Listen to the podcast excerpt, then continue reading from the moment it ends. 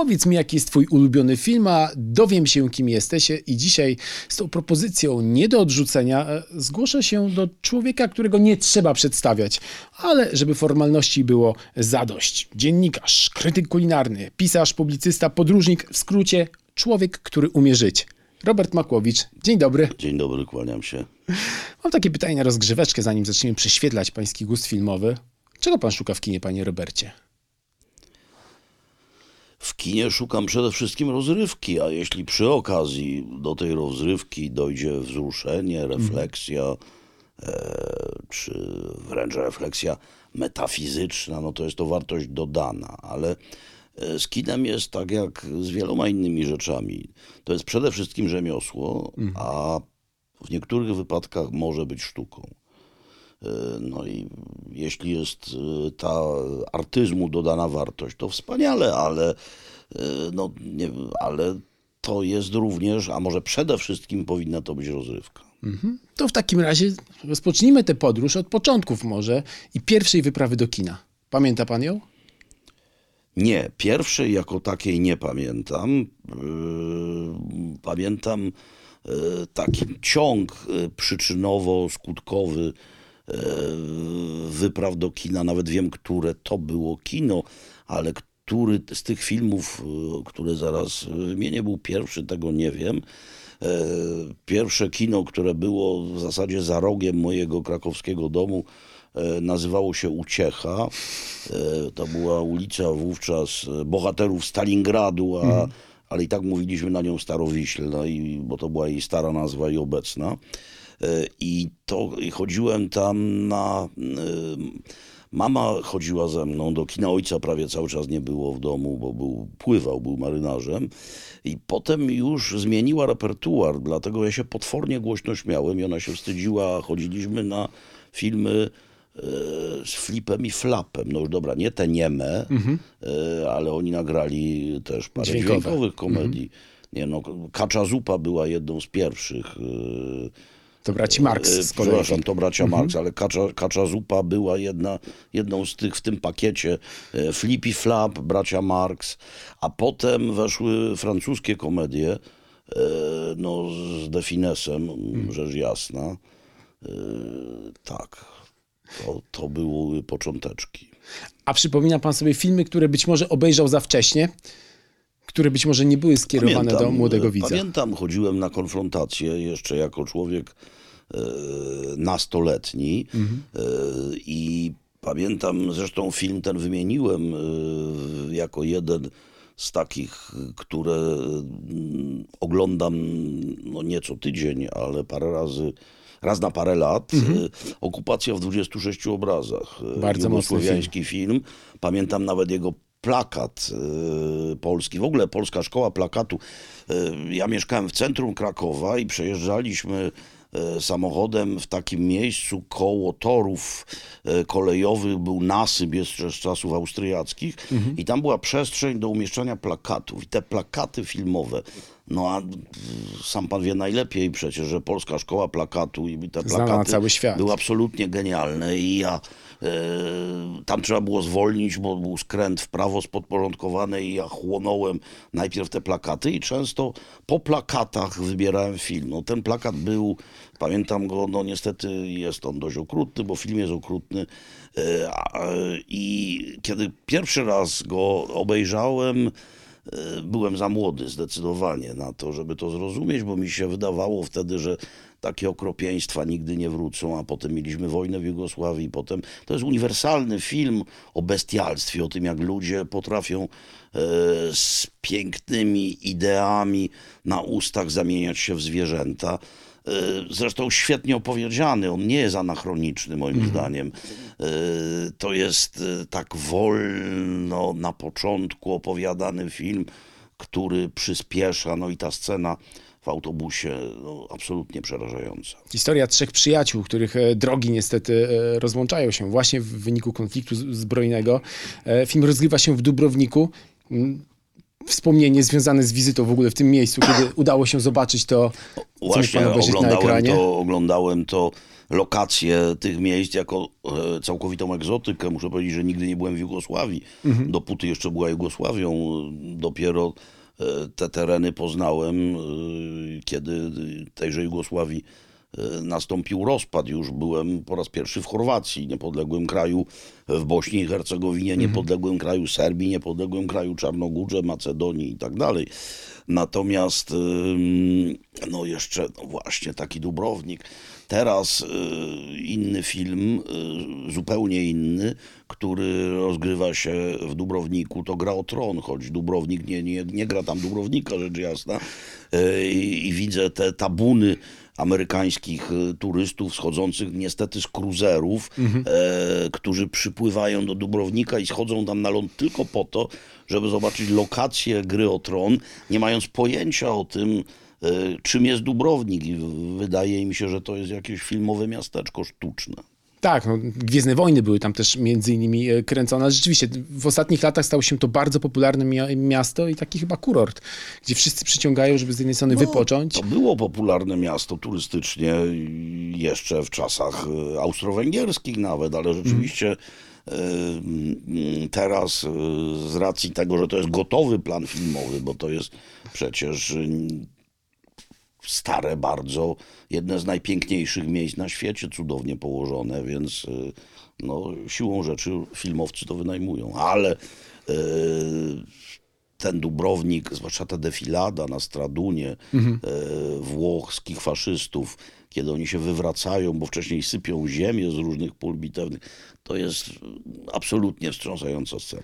No, wspominał pan właśnie o tym, że, że jest to film pełen mocnych scen. Ciekawi mnie, czy w ogóle... E, jaka jest pańska wrażliwość na okrucieństwo na ekranie? Czy, czy łatwo pana zszokować? To zależy, czemu to okrucieństwo ma służyć. Jeśli to ma być okrucieństwo dla okrucieństwa, e, to wie pan, to jest tak jak z wieloma innymi rzeczami. No, czy ładnie jest przeklinać, i czy brzydkie słowa są ok, czy są nie ok. No, jeśli to Wszystko zależy ma od okazji. służyć, e, czemu służy, czemu służy seks e, w filmie. No, jeśli mówimy o filmie pornograficznym, e, no to to jest nudne po prostu i beznadziejne. A jeśli to czemuś ma służyć, to jest okej. E, Więc z okrucieństwem jest dokładnie tak samo. No, bez tej sceny ten film byłby daleko niepełny. Zresztą Lordan Zafranowicz, reżyser tego filmu, Tak to. Chorwat, on zdaje się jeszcze żyje, jest dość wiekowym człowiekiem, ale on już, e, ponieważ tam Chorwaci są ukazani e, również w złym świetle, bo jest mowa o faszystach chorwackich, e, o Ustaszach, on nie miał dobrej prasy po powstaniu niepodległej Chorwacji. Ze smutkiem to przyznaję. Jasne. Kiedy tak przygląda się listę pańskich ulubionych filmów, to w zasadzie można by powiedzmy dwie, trzy grupy wyodrębnić. Myślę sobie, że z jednej strony jest dużo filmów historycznych, rozgrywających się w okresie pierwszej, drugiej wojny światowej. No myślę, że tutaj e, zamiłowanie i smykałka historyczna też pewnie ma wpływ na to, że sięgał pan po te, a nie inne filmy i mogą się one podobać. A z drugiej strony też e, kino francuskie.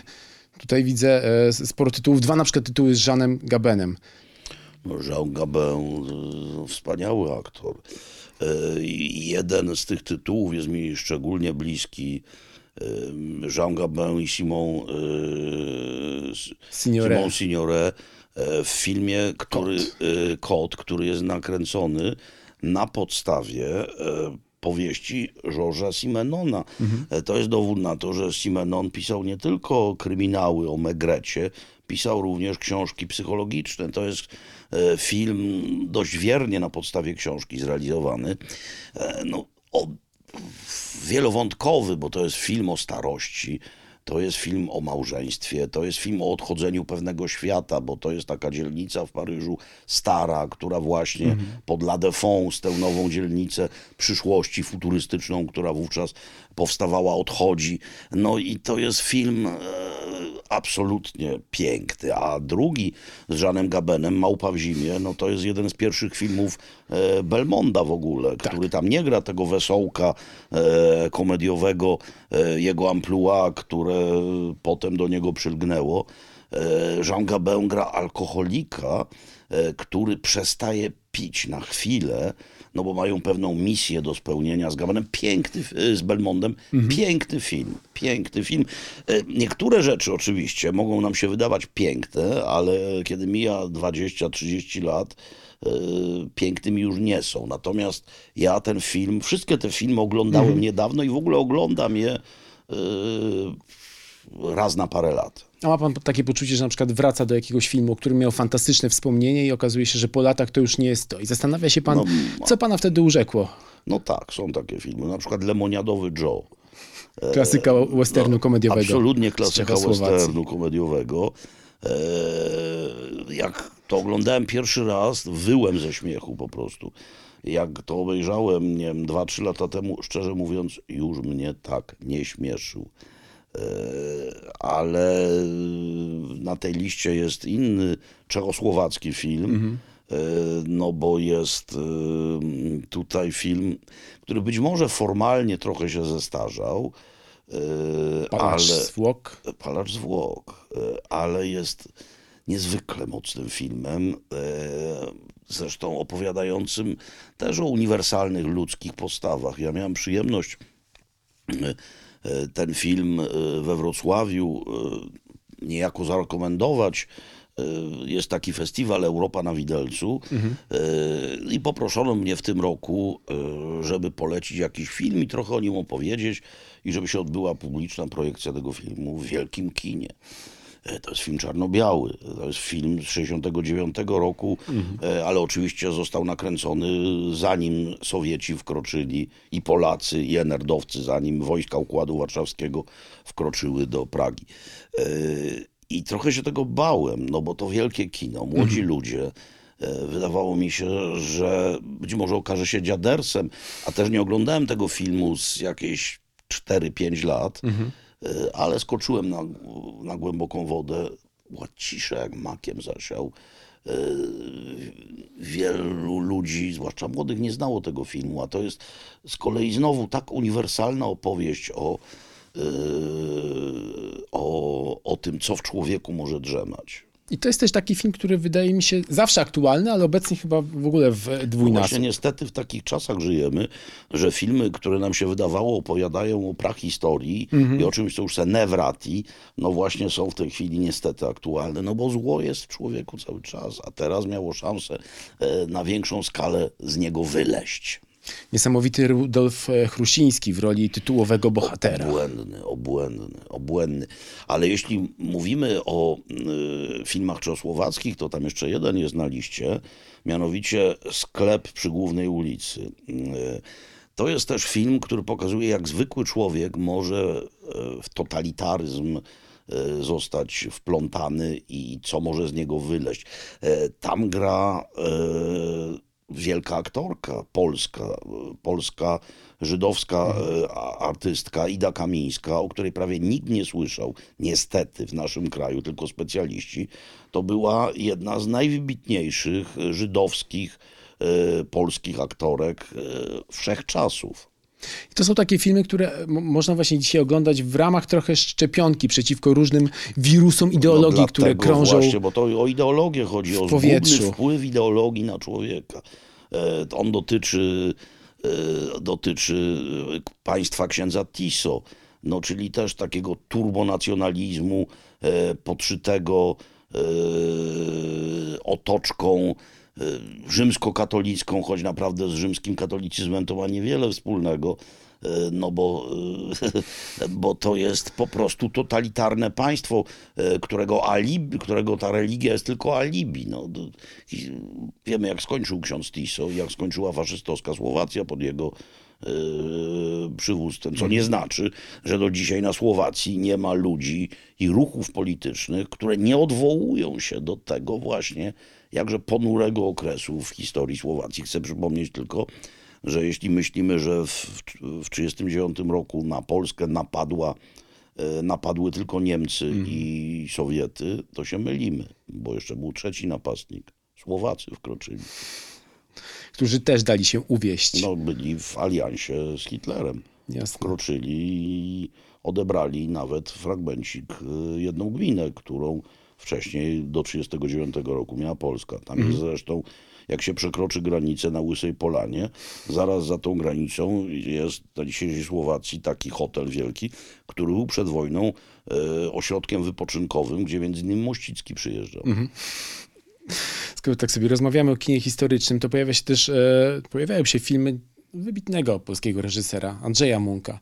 Człowieka, który zawsze kroczył gdzieś obok szkoły polskiej trochę, kiedy Andrzej Wajda na przykład e, kręcił filmy, no oczywiście, które zapisały się w historii kina, czy to Kanał, czy Popiół Diamek, ale jednak opowiadające trochę tę martyrologiczną wersję historii, a Munk zawsze był z boku, proponował raczej gorzki śmiech i o tym opowiadają też filmy Eroika, czy Zezowate Szczęście. No właśnie o to chodzi. E, Filmy Wajdy z formalnego punktu widzenia lubię. E, Te dwa wymienione przez pana tytuły to są arcydzieła. E, Ale to nie jest moja bajka w sensie ideologicznym, e, gdyż to jest koturnowość e, i wizja historii, która nas gubi. Patos, nieznośny patos, koturn i i na to jeszcze nałóżmy sobie naszą e, dominującą część nas, naszego przekazu kulturowego, czyli sarmatyzm, szlachetczyznę. To wszystko jest to. Munk, Przekonanie o wyjątkowości. Munk dokładnie e, pokazywał, obnażał tak, na ile mógł wtedy, e, obnażał właśnie ten patos, tę koturnowość. e, e, tam nie znalazł się inny film, no już nie Munka, ale komedia Giuseppe w Warszawie. No dzisiaj, gdyby ktoś chciał nakręcić taką komedię, zostałby aresztowan, bo jesteśmy w okresie tego wzmożenia narodowego, prawda? I o tych czasach można mówić wyłącznie e, podkreślając bohaterskość, niezwykłość dokonania. To, e, a to było przecież życie. No, e, ten Giuseppe w Warszawie to jest rzecz niewiarygodna. Ja przecieram oczy, e, że to mogło być nakręcone no wbrew e, również w czasach PRL-u obowiązującemu dogmatowi, no przecież już Moczar e, i partyzanci no, byli dość prężni, a to wyśmiewa ten cały patos. No ale Munk, to po pierwsze są arcydzieła, to są naprawdę arcydzieła, e, które rozprawiają się z tym mitem, są w kontrze do Wajdy e, i to są wspaniałe filmy moim zdaniem, a poza tym wpisujące się w moją wizję pojmowania naszych dziejów ojczystych. Zwłaszcza, że jest tak, że czasy się zmieniają, ale pewne typy ludzkie pozostają takie same i możemy się domyślić, że bohaterów Zezowatego Szczęścia czy ero- Eroiki też moglibyśmy spotkać na każdym kroku. A iluż jest do dzisiaj piszczyków wokół nas, którzy w tej chwili zajmują różne e, wysokie stanowiska e, i głoszą rzeczy, w które oportunistycznie, w które nie wierzą, ale, ale tak jest. Albo Nikodemów Dyzmów, tych jeszcze więcej. Nikodem Dyzma miał, wyjąwszy serial telewizyjny, miał pecha do adaptacji kinowych, no bo w zasadzie żadna nie jest dobra, moim zdaniem. No ale Roman Wichelmi Ale absolutnie tutaj. serial jest absolutnie genialny. Ale to serial. Ja tutaj też wsadziłem jeden, w zasadzie nie film kinowy, bo sam nawet nie wiem, jak nazwać Marsza Radeckiego. E, Axel Corti to reżyserował. Ja to oglądałem parę razy, ale pierwszy raz oglądałem to naraz. W Teatrze Słowackiego zainstalowano ekran i siedzieliśmy tam ileś godzin, bo to trwa strasznie długo, bo to chyba było podzielone. to było Wielka jako, epicka saga. to było jako, e, chyba dla telewizji to było zrobione. Nie wiem dokładnie. E, Axel Corti zmarł w trakcie. To był, e, e, no tak jak każdy prawdziwy Austriak był częściowo Włochem, częściowo urodził się w Paryżu, e, trochę domieszki krwi niemieckiej. No, Austriacy, jak wiadomo, są e, bardzo pomieszani z racji przeszłości monarchii.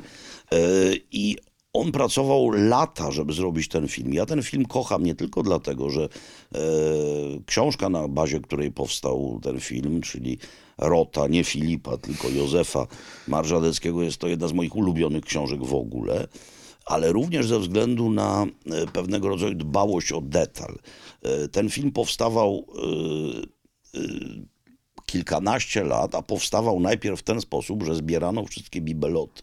Tam nie ma niczego sztucznego. Jak oni piją e, wodę z sokiem malinowym u pana Slamy, To piją to z prawdziwych szklanek, syfon jest prawdziwy. E, Wszystko jest prawdziwe, więc tam jeszcze chyba się nie, wykazy, nie, wykazy, nie, nie mogła wykazać nasza firma Hero Collection, która jak wiadomo w tej chwili szyje e, mundury do wielu produkcji, e, również hollywoodzkich. E, Wspaniale to robi, ale tam, e, o ile wiem, to wszystko były oryginały. Jest pan takim widzem, który przykłada wagę właśnie do szczegółów i potrafi się przyczepić, no ten kostium. zauważyć, Jeśli ja oglądam film o gestapowcach na przykład i oni mówią po angielsku, to ja go przestaję oglądać. Proszę zauważyć, jaki był szacunek kiedyś dla widza. E, również w Polsce. E, jeśli weźmiemy film, jak rozpętałem II wojnę światową, to tam każda nacja mówi, mówi w swoim języku. I, I to jest wspaniałe. Tam czarnogórcy mówią po czarnogórsku, Niemcy mówią po niemiecku. E, słynna scena z Emilem Karewiczem, Kciekoś Cięcikiewicz, e, Kociniak, e, wiadomo kogo grający, Karewicz grający gestapowca. Ten dowcip w ogóle by nie mógł wybrzmieć, gdyby wszyscy tam mówili po polsku. Grzegorz No Brzęczyszczyk. to, to nie byłoby dowcipu, a dowcip palce, pance, pance, palce.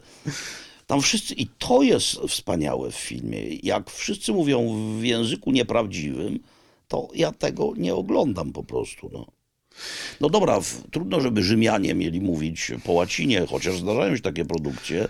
No na przykład film Mela Gibsona, No, Pasja. pasja, tak, ale widziałem ostatnio film niemiecki o bitwie e, w lesie teutoburskim, tej zasadce i e, Niemcy mówili, Germanie mówili po w starogermańskim, e, a e, Rzymianie mówili po łacinie. E, Nie wiem na ile ta łacina się zgadzała z tamtejszą łaciną, no bo nikt tego nie jest w stanie pewnie stwierdzić, ale tak było. Powiem panu więcej, ja czasami oglądam filmy tylko dlatego, że mówią tam w jakichś dziwnych językach. e, Łącząc, znaczy nie, żebym ja rozumiał wszystkie języki, ale brzmienie, napisy sobie zawsze, jak nie ma napisów, e, lektor to jest pomysł szatana po prostu. Już nie powiem kogo jeszcze. Ale jest jeszcze gorsze. Jest, dubbingi. Dubbingi. Można, jak się żyje w Niemczech, to można do końca życia nie znać głosu Roberta De Niro na przykład. No, to jest koszmarne. Ja się uczę języka, jak w Chorwacji, yy, bo ja tam też pomieszkuję. Tam, wszyscy, tam nie ma w ogóle dubbingowanych filmów, są tylko napisy. Wie pan, jakie to jest przydatne w, yy, w nauce języka? No bo są napisy po angielsku, a ktoś mówi po chorwacku. No i składam sobie te dwa elementy do kupy. Tak się najłatwiej uczy języka. Yy, A e, przeświadczenie, że widz jest za głupi, żeby czytać, no jest jednak e, absolutnie zabójcze, moim zdaniem. Ale widzi pan, rozmawiałem ostatnio ze znajomym Austriakiem i on kiedy usłyszał, że w Polsce nie ma zdubbingowanych filmów w języku polskim, tylko trzeba czytać, ewentualnie jest lektor, był przerażony tym absolutnie, że, że są napisy i, i, i No ale trzeba takich, śledzić. bo takich przyzwyczaili. Człowiek się już rozleniwił. Tak ich przyzwyczaili, a proszę mi wierzyć, e, włączam, oglądałem nie tak dawno temu na jakiejś platformie streamingowej, oglądałem kryminalny serial luksemburski, nie dlatego, że był jakiś fantastyczny, tylko dlatego, że mówili w języku luksemburgisz, a to jest bardzo archaiczna wersja niemieckiego, e, taka ze średniowiecza w ogóle, spetryfikowana. No i to mnie niezwykle podniecało. Wiem, jestem nienormalny, ale, e, ale to lubię po prostu. No. No dobrze, ale to w takim razie, jak pan znajduje te wszystkie filmy i seriale, bo To wszystko jest. no jest, Tylko- no ale to, to, to jakaś nie- rekomendacja się pojawia, czy, Nie, no, czy pan po prostu patrzę, no. śledzi? Pierwszą rekomendacją jest to, że y, nie może być popularny. No. Okej. Bo Jakbym oglądał, y, jakbym miał się kierować rekomendacjami popularności, to bym 365 dni oglądał. No. A oglądał pan? Nie. No bo jak panu mówię, to jest y, podstawowa rzecz, y, że jak jest popularny, to trzeba tego nie oglądać po Jasne. prostu. No i grzebie tam. Tego jest tak ogromna ilość, y, że wygrzebuje tam różne tego typu rzeczy. To jest z jednej strony wspaniałe, że jesteśmy, mamy teraz w zasadzie drzwi otwarte, tyle serwisów streamingowych, filmy i seriale czekają na nas, a z drugiej strony ja czasem mam poczucie, że pływam w wielkim oceanie i nie mam, nie wiem na którą wysepkę No, zacumować. to prawda, ale no, to jest tak jak z internetem, no, w którym w internecie jest wszystko. Y, Jest mnóstwo śmieci i straszliwych rzeczy, ale są też rzeczy wspaniałe. No, trzeba nauczyć się nawigacji po prostu. Y, w serwis, w tych w streamingowych rzeczach y, jest y, rzeczywiście multum. Ostatnio szukałem filmu, który oglądałem 40 lat temu. Walter broni Sarajewa. Y, Oglądam ostatnio partyzanckie kino jugosłowiańskie. No wie pan, nie ma żartów, tam bitwa nad Sut, y, Sutieska czy bitwa nad Neretwą to Richard Barton i tak dalej, i tak dalej. Jul Brynner i w ogóle, no to wielki szmal i dobre kino batalistyczne. Ale udało się znaleźć w ogóle właśnie... Tak, Waltera, Waltera znalazłem dla ostatniej sceny, bo tam jest taka scena, e, nie mogą tego mitycznego Waltera znaleźć. W Sarajewie się dzieje, a ja kocham Sarajewo i chciałem zobaczyć Sarajewo e, sprzed 40 lat. No, no i tam, abstrahując od fabuły, to Sarajewo jest. Jest taka ostatnia scena, jak stoi znowu gestapowiec. e, Tego Waltera mitycznego nie mogli znaleźć. Pokazuje na Sarajewo w dole i mówi Das ist Walter. No że to całe Sarajewo jest takim partyzantem. Mm. I znalazłem, tak, znalazłem. Wszystko jest. A jak nie ma tam, to jest w internecie. No. Jasne. Tylko są filmy, wie pan, ja, są filmy, na które trzeba iść do kina, mimo wszystko. Ja mam ogromny telewizor. e, Ile cali? Nie pamiętam, ale takie... Więcej niż 50? Więcej pewnie. no nie pod 50 jakoś tak. Nie pamiętam, ale ogromny ten telewizor jest. E, ale na przykład jak chciałem zobaczyć 1917, a bardzo chciałem z powodów bardziej technicznych realizacji. Oczywiście to nieprawda, że to cały film jest zrobiony jednym ujęciem, ale jego począteczek dość znaczny jest. Potem są dobre cięcia, takie, których nie widać po prostu. E, Ale chciałem, od, no, nie jest to fascynujący bardzo film, ta jedna scena, jak ten samolot tak wlatuje Ale zdjęcia Rogera Dickinsa absolutnie ale zdjęcia są wspaniałe, y, no to to trzeba było zobaczyć na ogromnym ekranie jednak. Ten telewizor byłby za mały, nie byłoby tego efektu. A ma pan jakąś swoją kolekcję filmów w ogóle? Takie, które stoją na półce, czy przeszedł pan już zupełnie w streaming Ale one są wyłącznie czeskie. czeskie? No homolków mam A dlaczego akurat wyłącznie? No bo ten? tak kiedyś kupiłem i tak zostało już. już nie szedłem dalej. Więc mam taką ogromną kolekcję czeskich filmów, e, czy też czechosłowackich. Homolkowie na urlopie, wie pan, to jest co. Mhm. No tak, to, to, to była bardzo kasowa swego czasu i popularna w ogóle chyba w całym jakby naszym regionie e, państw satelickich. Ale to się nie zestarzało, powiem panu. Tak? No a pali się moja panno. No to to wiadomo, Miloš Forman, No, to jest dobry film. No. absolutnie wybitny. Zresztą Miloš Forman, wiadomo, potem pojechał... Do... Lubi pan w ogóle też hollywoodzki etap kariery Milosza Formana, Amadeusza na przykład? O, myślę, że to Amadeusza- może być taki film, Amadeusza który... bardzo lubię. Widziałem go na konfrontacjach dawno temu i potem go obejrzałem jeszcze parę razy. Tak, lubię. Mhm. Słyszał pan w ogóle, że konfrontacje wróciły. Roman Gutek postanowił ożywić je po latach. No to ja właśnie dzięki e, film, firmie Gutek Film mogłem puścić e, mogłem puścić Palacza Zwłok, bo tam też robiliśmy e, z e, panem Gutkiem juniorem, robiliśmy tam również pokazy filmów kulinarnych No tak, przy bo- okazji tego festiwalu e, Europa na Widelcu. Tak, bo Gutek. Junior, z tego co słyszałem, też również e, kulinaria są mu bardzo bliskie. Gutek junior e, wie jak się kaszle w tej sprawie. Dobrze, odbijając na moment jakby e, od ulubionych filmów, chciałem też podpytać o pana doświadczenia filmowe, no bo ma pan takowe na koncie, na przykład występ w filmie Ladies e, u Andrzeja Sarumonowicza. Chciałem podpytać o, o kulisy, jak doszło do tegoż, do tej kooperacji i jak pan wspomina ten czas na planie. Znamy się z Andrzejem od wielu, wielu lat. Zresztą bardzo żałuję, wczoraj albo przedwczoraj była Premiera premiera Babies. Babies. Miałem być, ale nie mogłem, Mhm. więc Andrzeju, jeśli mnie usłyszysz, to cię strasznie przepraszam, ale pewnie było tylu wielkich i wspaniałych, że moja nieobecność nie doskwierała cię aż tak bardzo. No więc znaliśmy, znamy się od lat i pomyślałem, pomyślał sobie Andrzej, pewnie, że weźmie nas w komplecie, bo ja tam byłem z Piotrem Bikontem. Piotr był moim najbliższym przyjacielem, e, a jednak fizycznie dość znacznie się od siebie różniliśmy. Ja mały, Piotr wielki. e, No i graliśmy dwóch cieci po prostu, e, na zasadzie kontrastu. No Pat i Pataszon, Flip i Flap, Flip i to Flap, bardzo dokładnie. filmowa historia. Rola była dość nieduża. Gra, grałem większą rolę w filmie Wszystko na sprzedaż. e, To taki film... y, Niezależna produkcja Niezależna, niezależna produkcja. Y, Tam grałem patomorfologa, profesora.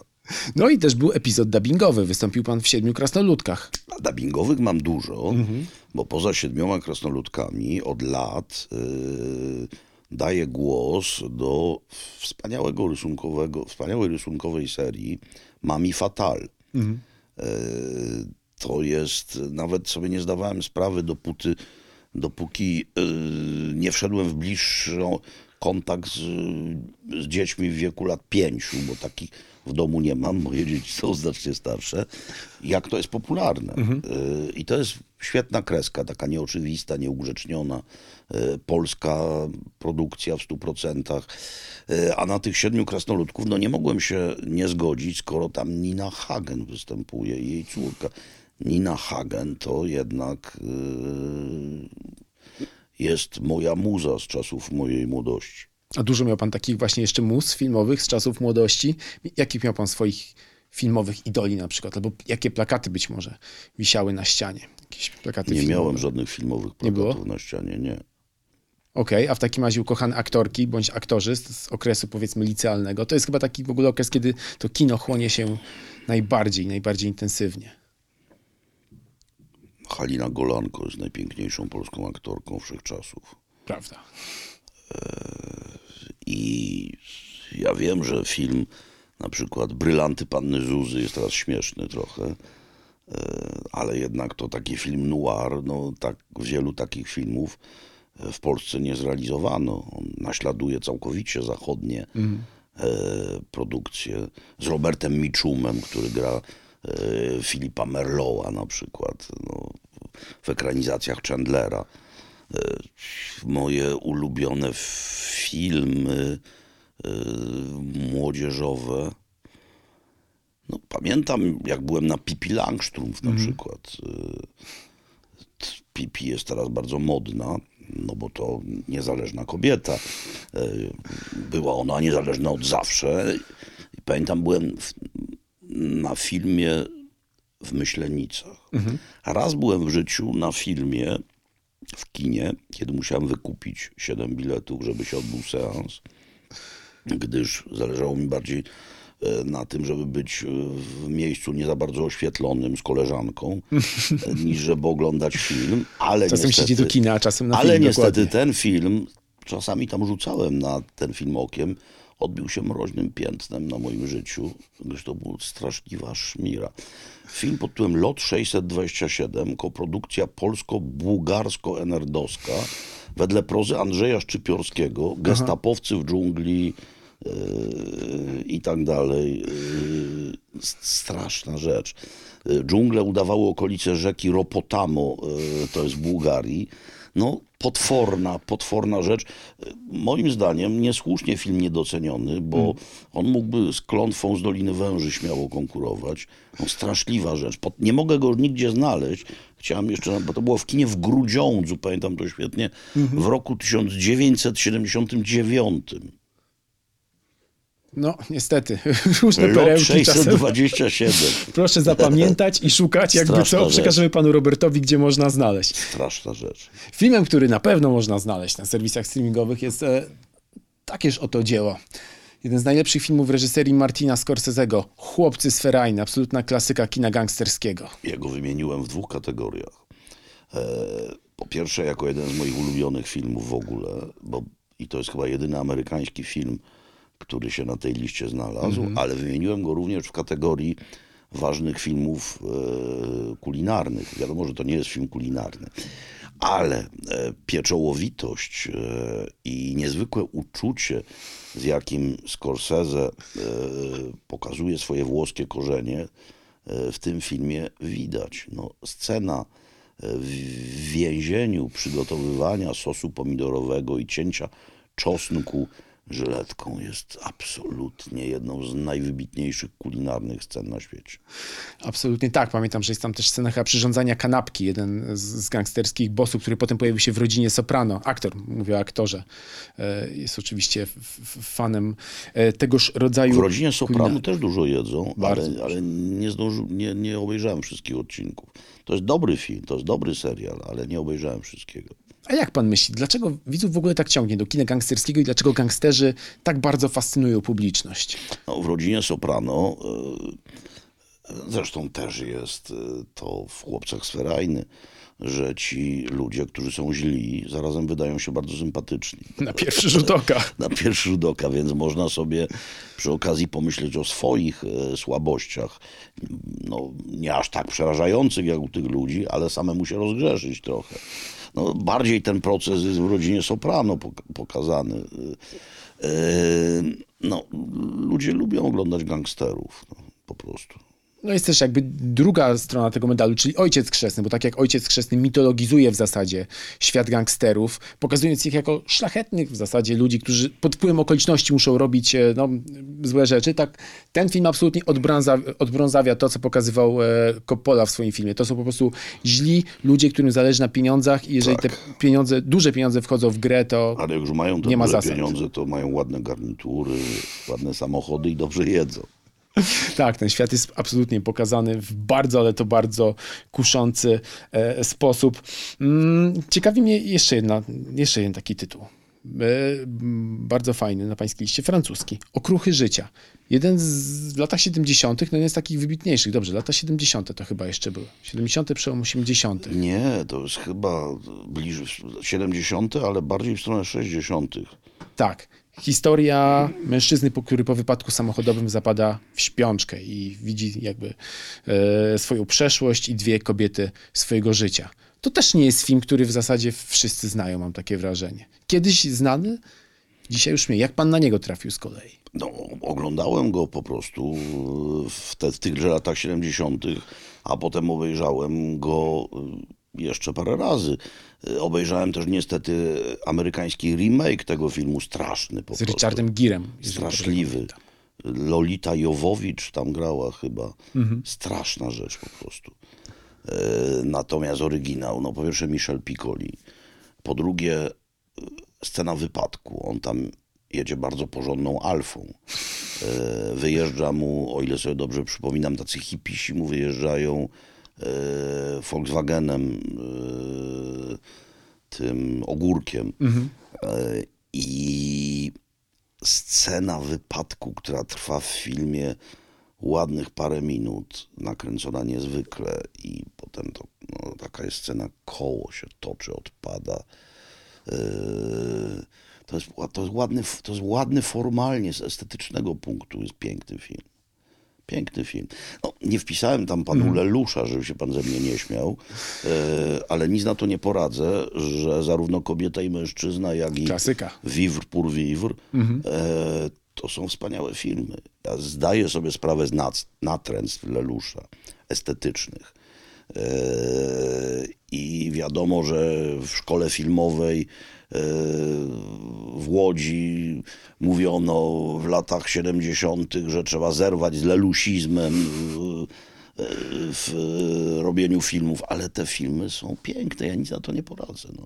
Vive pour vivre zwłaszcza, tam, e, tam gra przecież Yves Montand, który tak pięknie pali papierosy. No. A łatwo pan się wzrusza w ogóle na filmach? Ostatni raz płakałem na Królu Lwie.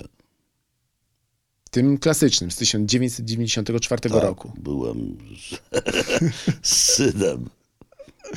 Nie no, wzruszam się czasami. Oglądałem ostatnio, nie przypuszczałem, że się wzruszę, e, film dokumentalny na jednej z platform streamingowych o Karelu Gocie.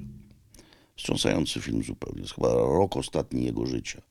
Za zgodą jego żony, y, ona też uczestniczyła potem przy montażu, kiedy on się już dowiaduje, że ma białaczkę. Karel Gott był dla mnie symbolem obciachu. Ja wiedziałem, że on ładnie śpiewa, bo tego nikt nie może, temu nikt nie może zaprzeczyć, ale nie była to muzyka, której ja bym słuchał. Serce nie biło Bóg, żywiej no, no raczej nie. Natomiast ten film jest piękny. E, On się tam tłumaczy ze swoich wyborów w 1968 roku. On podpisał tę tak zwaną antykartę i tak dalej. E, Jest piękny film, wzruszający jak diabli po prostu. A tym razem chciałem wrócić z kolei do czasów, kiedy był pan krytykiem. Bo skoro trafił pan do... Ale nie filmowym. No. kulinarnym, ale krytykiem. Skoro trafił pan do zagłębia krytyków, czyli Filmwebu, chciałem podpytać o tamte czasy.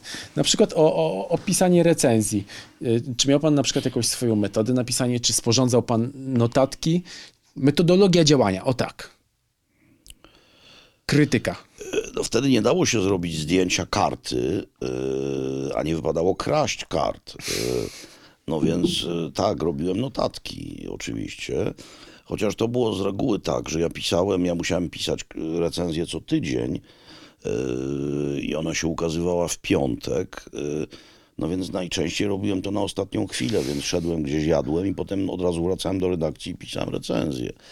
E, Czasami pisałem z wyprzedzeniem, jak wiedziałem, że gdzieś wyjadę. E, To było niedawno temu, a z drugiej strony na tyle dawno temu, że e, można było faks wysłać najwyżej. No, jeszcze nie działała, był już internet, ale nie działała na taką skalę poczta internetowa, jak, jak działa w tej chwili. To były lata 90. Potem zaprzestałem tej działalności. No więc taka metodologia. Ja y, czasami, jak nic nie wiem o filmie, to wchodzę na film web y, i tam są recenzje. Nie zawsze są to recenzje przez krytyków pisane. Y, często są to jakieś recenzje Użytkowników. użytkowników, po prostu. Ale tak, korzystam z tej strony. Ale Jest wracając ona jeszcze, przydatna. Bardzo nam miło, że zagląda pan na naszą stronę, ale wracając jeszcze do tej działalności już zakończonej, mm, krytyczno-kulinarnej, słyszałem, że zdarzały się sytuacje, kiedy podobno e, szefowie, właściciele restauracji grozili pozwami, jak re, recenzja no, była. tak, e, to były Negatywna. jakby początki, e, początki kapitalizmu e, i ludzie nie rozumieli jeszcze, że każda działalność publiczna e, może zostać poddana ocenie. E, No więc tak samo e, można, wiedzieli, że są recenzenci, którzy zajmują się, nie wiem, op- operą albo filmem, ale nie przypuszczali, y, że można również opisywać restaurację, no więc się wkurzali.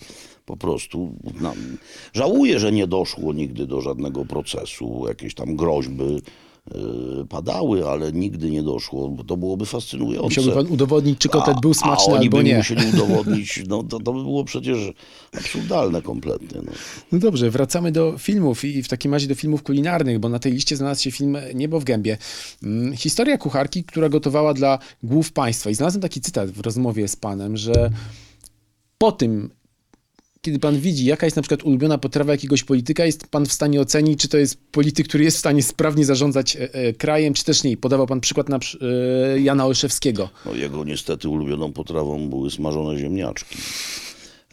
Co mogło się sprawdzać i z pewnością się sprawdzało w jego pięknej przecież karcie opozycyjnej i adwokackiej, no ale jednak do kierowania nie najmniejszym przecież krajem to nie są najlepsze rekomendacje. Mhm. A jak pan myśli, e, czy w takim razie była już pani premier Wiel- Wielkiej Brytanii też prawdopodobnie. E, niestety jej karta kulinarna mogłaby nie robić wrażenia. Biorąc pod uwagę, Z- Raczej co nie aktualnie Skądinąd wiem, że niezły gagatek przecież, e, który skądinąd planuje powrót, czyli Boris Johnson, no jednak on e, lubi dobrze zjeść i prawdopodobnie na kuchni zna się doskonale, co jednak nie sprawia, e, że jest e, człowiekiem wymarzonym politycznie. Ale graczem z pewnością jest, tego mu nie można odmówić. Było wielu ludzi złych. Nie mówimy teraz tu o Johnsonie. Stalin podobno znał się na kuchni. Nie, Stalin w ograniczonym zakresie, on w zasadzie wyłącznie na kuchni gruzińsko-rosyjskiej, y, z przewagą na gruzińską, ale no, niezwykłym smakoszem był Gering. No, czy to go w jakiś sposób, czy to pomniejsza jego winy? Gering do tego stopnia lubił na przykład kasztany, marron glacé, kasztany jadalne glazurowane, e, że bardzo się ucieszył, kiedy e, powstał sojusz e, z Włochami Mu- Mussoliniego, bo w Niemczech nie ma, nie robi się ka- kasztanów glazurowanych we Włoszech, tak i on dostawał od sojuszników włoskich wielkie paki e, tychże kasztanów, a ponieważ ćwiczył e, silną wolę, więc e, kładł się, no to jest sezon zimowy tylko, kasztany, więc otwierał okno, e, kładł kasztany przy tym oknie otwartym i kładł się pod pierzyną. I mimo tego, że w pokoju robiło się potwornie zimno, czego on leżąc pod pierzyną nie odczuwał, bo to niemieckie pierzyny są wielkie, to co noc zrywał z siebie kołdrę, podchodził i wyżerał całą paczkę tych yy, kasztanów glazurowanych. No ale to go w niczym nie usprawiedliwia. No, skończył tak, jak na to zasłużył. Choć niestety nie na stryczku, bo się otruł. A myśli pan sobie, że e, oglądanie filmów i jedzenie mają jakieś punkty zbieżne? Chyba trochę tak jest, że, Razem? no, że jedno Nie, i drugie ja- trochę polega na uwodzeniu. E, Tak, choć e, nie łączyłbym tych czynności. E, Nie polubiłem multiplexów, e, choćby z tego powodu, że prawie zawsze obok mnie siedział ktoś, kto miał ze sobą tyle popcornu i tyle napoju gazowanego, mocno słodzonego, ile ja zjadam w ciągu dwóch lat. I ja się zastanawiałem, zamiast nad filmem, zastanawiałem się, co się też musi dziać w organizmie jedzącego, jeśli on przyjmie dwa litry napoju typu cola i zje kilo e, popcornu. Całkowicie nie mogłem się wkręcić w film za każdym razem, bo zawsze ktoś to jadł. Ciamkał. Nie chcę tu wyjść na dziadersa, ale ten amerykański zwyczaj, akurat ten, wydaje mi się beznadziejny. Panie Robercie, kiedy ogląda się pańskie programy, to tam jest zawsze mnóstwo, kurczę, odniesień w ogóle do kina, mam takie wrażenie. Eee, słynna na przykład scena, kiedy jest pan rycerzem Jedi. Wydaje mi się, że to kino gdzieś tam zawsze panu towarzyszyło i zawsze było też inspiracją do tego, żeby e, wykorzystywać je w ogóle właśnie przed kamerą telewizyjną. No, kino jest e, częścią naszego życia. Kino i literatura. No, jak można żyć bez tego? No, znam takich, którzy Życzę- potrafią niestety. Wystarczy im telewizor i... No, ale umówmy się, że to nie, nie dla nich my tutaj chyba mówimy w tej chwili, bo to, skoro nas ktoś słucha, to znaczy, że kocha kino po prostu. A widział pan ostatnio film? Chociaż mówił pan o tym, że nie śledzi za bardzo jakby całej memogennej strefy związanej wokół swojej osoby, ale jest taki kanał Robert Makowicz jest najpiękniejszy. Nie wiem, czy, czy, czy zna pan, czy Jezus nie. Maria, nie, i a priori się nie zgadzam z tym tytułem. Nie, nie widziałem. Ale został jest taki pan- kanał, Tak, został- to jest kanał filmowy. Na Facebooku jest, jest taki fanpage i tam na przykład stworzono filmik, że ma pan więcej kaskaderskich numerów niż Tom Cruise. Z muzyką z Mission Impossible e, są pokazywane różne sceny z pana programu, na przykład na łodzi podwodnej, albo kiedy pan jeździ na nartach, e, albo na przykład e, jakieś sceny pływania, albo na przykład kiedy z konia pan zeskakuje w wyjątkowo widowiskowy Powiem panu, sposób. że raz nawet robiłem prawdziwy numer, niemal kaskaderski, w reklamie. Aha. Skakałem mianowicie, jak się ta ulica w Warszawie nazywa, Karowa chyba, Mhm. taka brukowana, wąska pod górę i tam są takie mostki. I musiałem zeskoczyć z tego mostku na Mhm. pędzącą, na pakę pędzącej ciężarówki. Jak się skończyło? Bez żadnych... Była ona wymuszczona odpowiednio, ta paka. A kiedy tak pan myśli sobie o swojej postaci, czy ma pan poczucie, że po tylu latach jakby w, świadomości widza, odbiorcy, że być może funkcjonują jakby dwie oddzielne postacie. Jest Robert Makłowicz, ta postać medialna i, i Robert Makłowicz, osoba prywatna i czasem jedna postać odkleja się być może trochę od drugiej. I że ma pan poczucie, że też jest, tworzy jakby postać e, na, na, na, na potrzeby gdzieś tam no właśnie, Szczerze mediów. mówiąc, nie analizuję aż tak Nie? bardzo własnej osoby, gdyż znam znacznie bardziej interesujące zajęcia. E, Natomiast e, to nie jest tak, że ja się w kogoś wcielam. Ja, się, ja jestem sobą po prostu, Mhm. więc e, nie mam, nie cierpię na rozdwojenie jaźni. Ale czy czasem na przykład, kiedy idzie pan na spotkanie, dajmy na to, z- jakąś agencją reklamową, która chce panu za, zaproponować udział w, w jakimś przedsięwzięciu właśnie medialnym i opowiadają o swoich pomysłach na pana i jak pana postrzegają, czy nagle okazuje się, że widzi pan, że, że ci ludzie odkrywają jak, jakieś nowe w, pańskie wcielenie, z którego pan sobie nie zdawał sprawy? Agencja reklamowa? No, na przykład. wcielenie? Nie. Nie? nie. A to wysoko pan ceni fantazję agencji reklamowej. Czyli rozumiem, że... Agencje reklamowe e, oczywiście są różne, są dobre i gorsze, ale najczęściej to są pomysły typu gorąco polecam, a takich pomysłów staram się unikać. Mhm.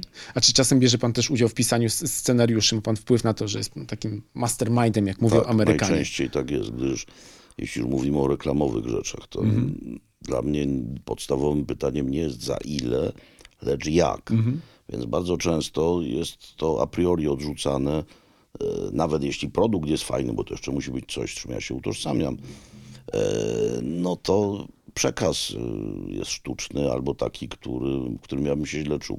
Jak już zauważyliśmy wcześniej, nie jestem aktorem, więc ja nie chcę odgrywać czegoś. Ja po prostu muszę się w tym odnajdywać tak, jakbym się rzeczywiście w tym odnalazł. No więc wiele tego typu koncepcji nie przystaje do tego założenia i trzeba je wtedy kosić po to, żeby nie wpaść w sztuczność, y, która jest bardzo łatwo zauważalna. No, widzimy, nie będziemy tutaj sypać przykładami, choć moglibyśmy jak z rękawa.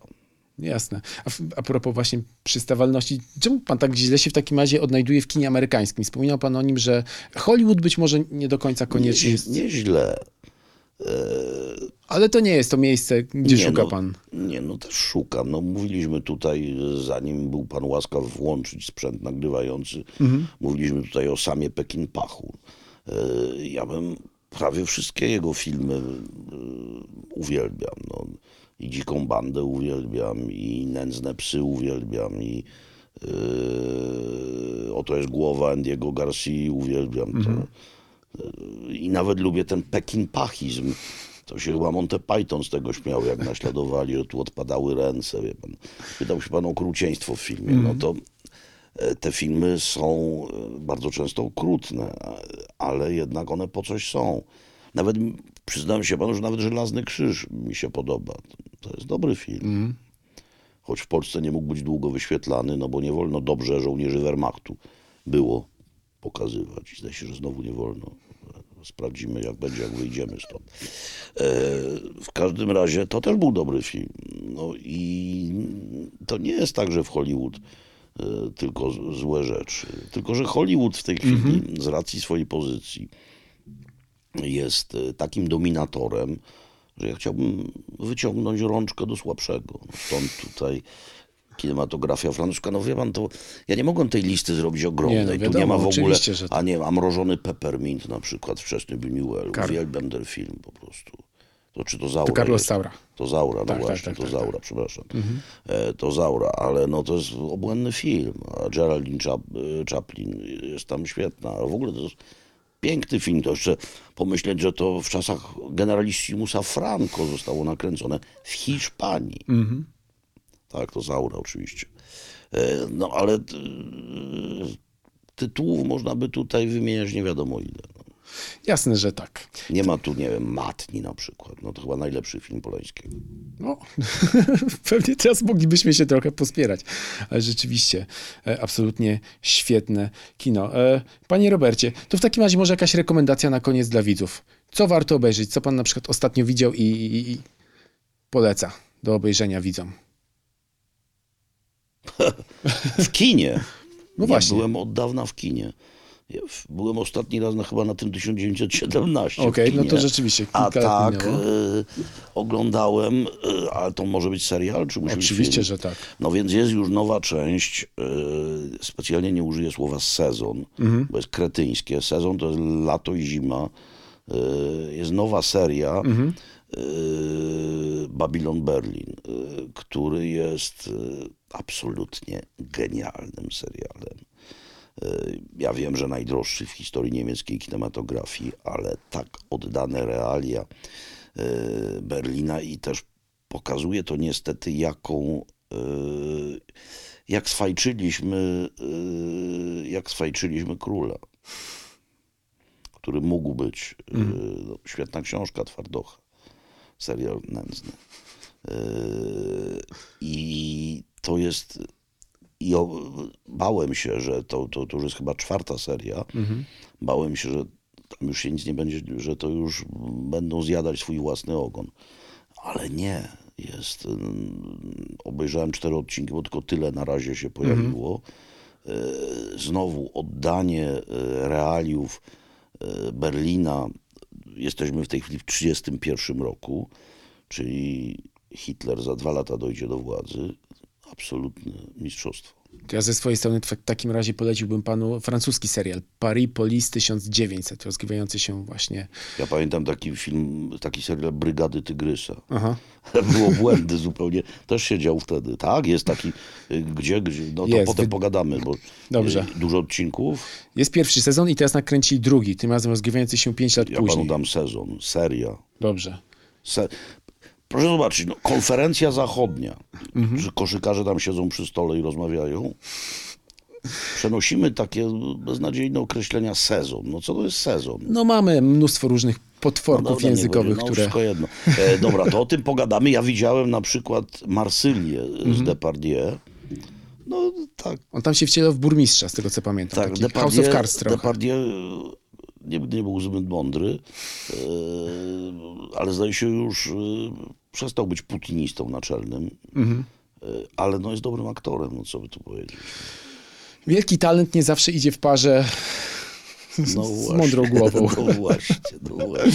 I z takim, No w takim razie przesłaniem e, zostawimy my jesteśmy zaprzeczeniem tej tezy. Bardzo mi miło, bardzo dziękuję za tę ja rozmowę i że udało się panu znaleźć czas, aby dotrzeć do redakcji filmu. Robert Makłowicz, znacie już e, jego menu filmowo-serialowe, wiecie co oglądać, ja myślę, że dużo naprawdę, To była przystawka. danie główne dopiero przed nami. Nakręcimy sequel w takim O, razie, o. drugą serię, o, o tak, żeby nie było sezon. Bardzo dziękuję. Dziękuję również.